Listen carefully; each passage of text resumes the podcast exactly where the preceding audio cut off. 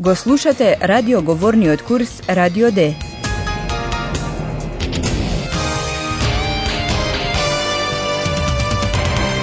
Заеднички проект на Гете институтот и Радио Дојче Веле. Авторка е Херат Мезе.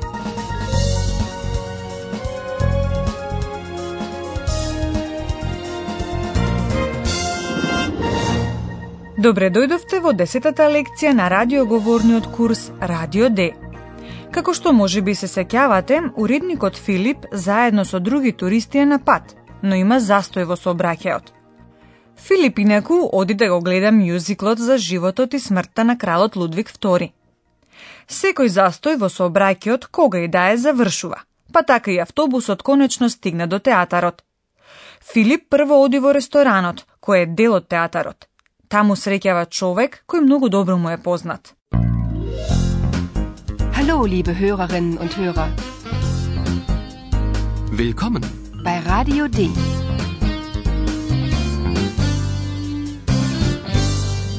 Radio D. Die Reportage. Слушнете што е она што дури сега го дознава Филип. Тој го замолува човекот за нешто. Зашто?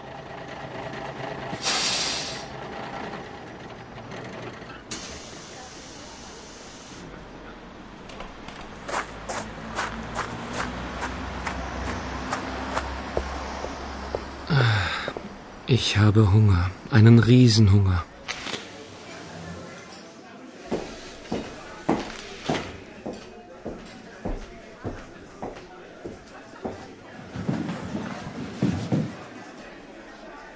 Das Musical ist wirklich wunderbar. Ja klar, ich spiele ja König Ludwig. Nein, das glaube ich nicht. Die Stimme. Natürlich.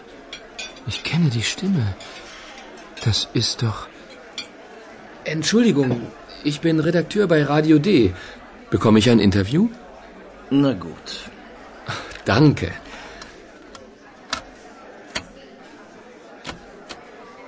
Erstmal Grüß Gott, König Ludwig. Majestät, bitte. Grüß Gott, Majestät. Guten Appetit, Majestät. Ach bitte, ich bin nicht König Ludwig. Ich bin nicht Ihre Majestät.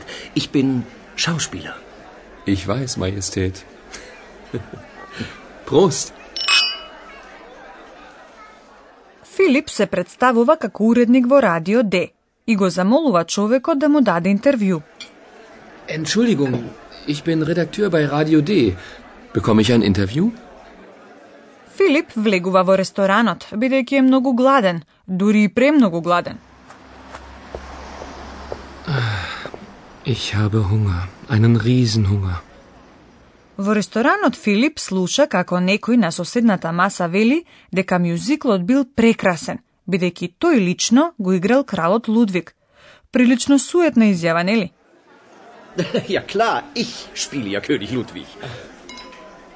Сега и Филип сваќа дека човекот во замокот беше актер кој го игра кралот Лудвиг. Паула, ако се сеќавате, беше многу лута на самата себе си поради случката во замокот, но Филип и актерот реагираат поинаку и продолжуваат да играат играта. Филип му се обраќа на актерот со крал Лудвиг. Тој пак бара да му се обраќа со височество. На крајот човекот појаснува дека тој не е ниту кралот Лудвиг, ниту височество, и се представува како актер. Ach bitte, ich bin nicht König Ludwig. Ich bin nicht Ihre Majestät. Ich bin Schauspieler. Филип наздравува за неговото височество. Ich weiß, Majestät. Prost! Сега и Филип и Паула знаат што се крие зад средбата во замокот.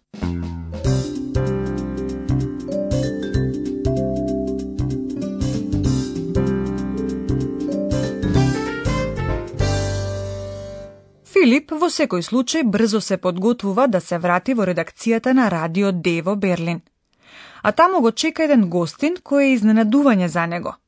Гостин кој воопшто не бил поканет, но вие веќе го познавате гласот. Слушнете што се случува во редакцијата. Како реагираат уредниците на гостинот?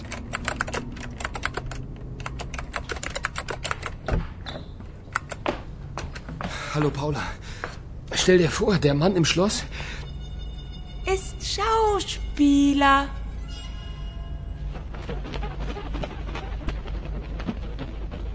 Wie bitte? Wer ist das denn?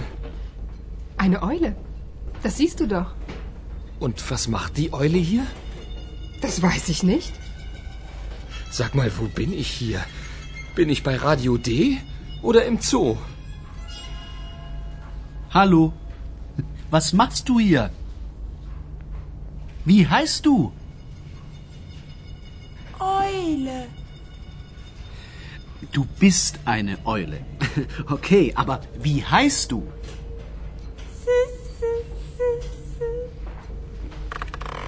Na gut, du heißt ab jetzt ähm, Eulalia, okay? Und äh, woher kommst du? Ich sage nur von König Ludwig.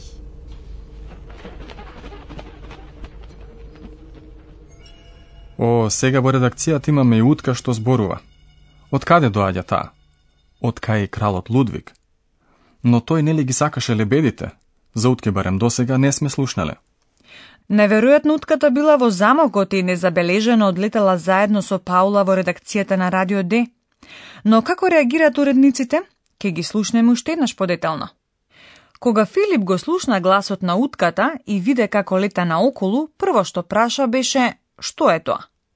А бидејќи Паула е изнервирана, одговара помалку зајадливо. Утка, па зарем не гледаш? Wie bitte? Wer ist das denn? Eine Eule. Das siehst du doch. Зајадлив одговор провоцира се разбира и соодветна реакција.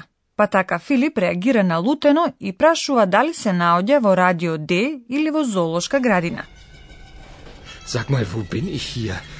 Bin ich bei Radio D oder im Zoo? Ајхан, напротив, се чини дека не го нервира ниту утката во редакцијата, ниту фактот дека таа зборува.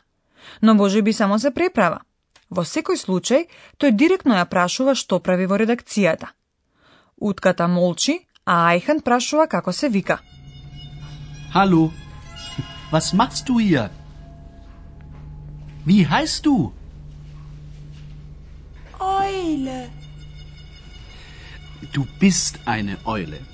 Okay, aber wie heißt du? Утката нема име, па затоа Ајхан смислува. Ојлалија. Тоа име убаво му звучи. А звучи слично и на германскиот збор за утка. Ојле. Na gut, du heißt ab jetzt ähm, Eulalia, okay? Реакциите на трите наши уредници на вистина беа различни. Филип е помалку изнервиран, Ајхан се забавува, а Паула, таа видливо се повлече. Предпоставували дека од сега Ојлалија ќе биде во незина близина?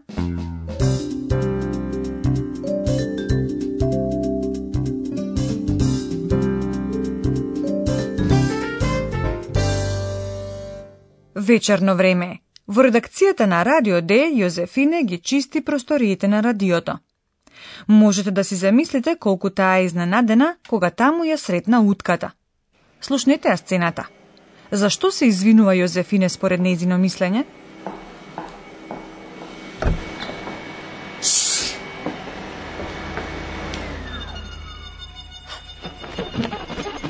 Hilfe!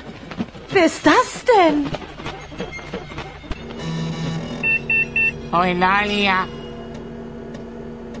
Was macht die Eule hier? sie ist einfach hier. Bin ich bei Radio D oder im Zoo? Störe ich? Oh, Entschuldigung, du verstehst alles? Ich bin klug und weise. Und ich bin Josephine. Откако Јозефине забележа дека Ојлалија не само што може да зборува, туку очигледно и разбира се што се зборува, таа се извини. Oh, Entschuldigung, du verstehst alles? Јозефине забележа дека Ојлалија разбира се. откако таа ја запраша дали и пречи. Störe ich? А Ојлалија не пропушта да укаже на тоа дека е паметна и мудра. Ich bin klug und weise. Дали е ова почеток на прекрасно пријателство? За ова имате време да размислите. А сега да слушнеме што има да ни каже професорот. Und nun kommt unser Professor. Radio D. Gespräch über Sprache.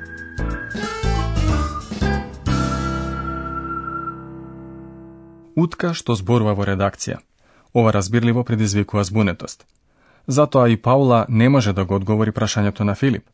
Слушнете уште еднаш што одговара Паула на прашањето. Und was macht die Eule hier? Das weiß ich nicht.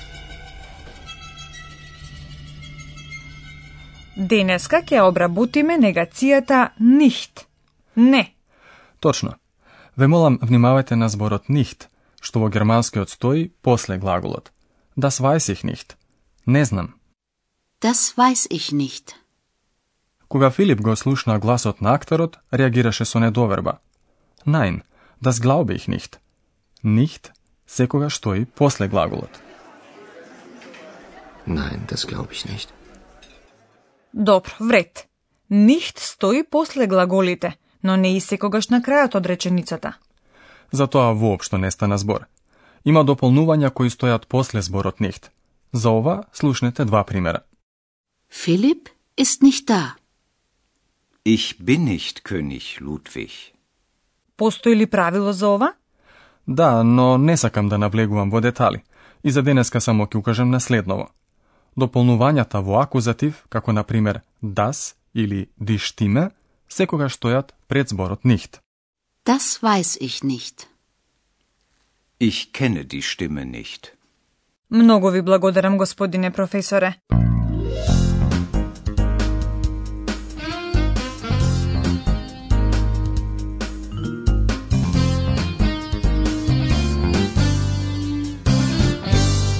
За крај, можете уште еднаш да ја слушнете сцената како утката го доби името.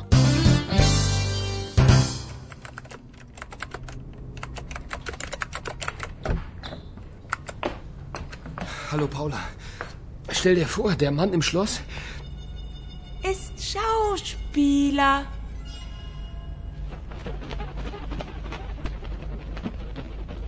Wie bitte? Wer ist das denn? Eine Eule. Das siehst du doch. Und was macht die Eule hier? Das weiß ich nicht. Sag mal, wo bin ich hier? Bin ich bei Radio D oder im Zoo?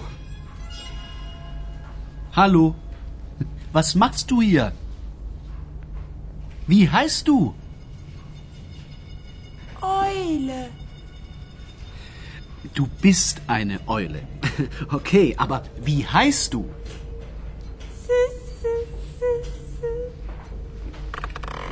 Na gut, du heißt ab jetzt ähm, Eulalia, okay? Und äh, woher kommst du? Ich sage nur von König Ludwig. Во наредната лекција Јозефине ќе се спријатели со Ојлалија, а ќе дознаете повеќе и за значењето на незиното име. Liebe Hörerinnen und Hörer,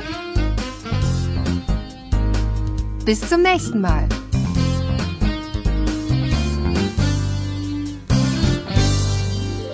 Го слушавте Радио Д, курсот по германски на Гете институтот и Радио Дојче Веле.